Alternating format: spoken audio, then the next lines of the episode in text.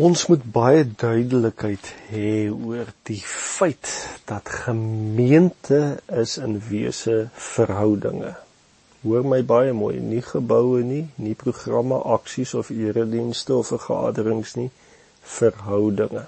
En verhoudinge is veronderstel te wees om kanale te wees waardeur lewe vloei van een hart na 'n ander. Ja, dit kan op baie maniere geskied. Maar beïnvloeding, lewensoordrag, waardeoordrag, lewensverandering vind plaas as lewe vloei via 'n verhouding van een hart na 'n ander. En as dit gebeur, is daar gemeente. Dit konstitueer gemeente. Gemeente beskryf dus 'n volgeling van Jesus se invloed op ander mense en alles rondom hom of haar.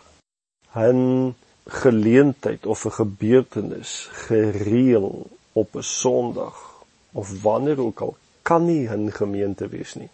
'n Sondag erediens is 'n versameling van gelowiges, maar gemeente 'n aktiewe heers en invloed deur verhoudinge en daarom in wese gebeur gemeente 24 ure dag waar jy ook al gaan. Gemeente is 'n aktivering van elke gelowige om te gaan en die koninkryk van die hemele te laat kom deur verhoudinge.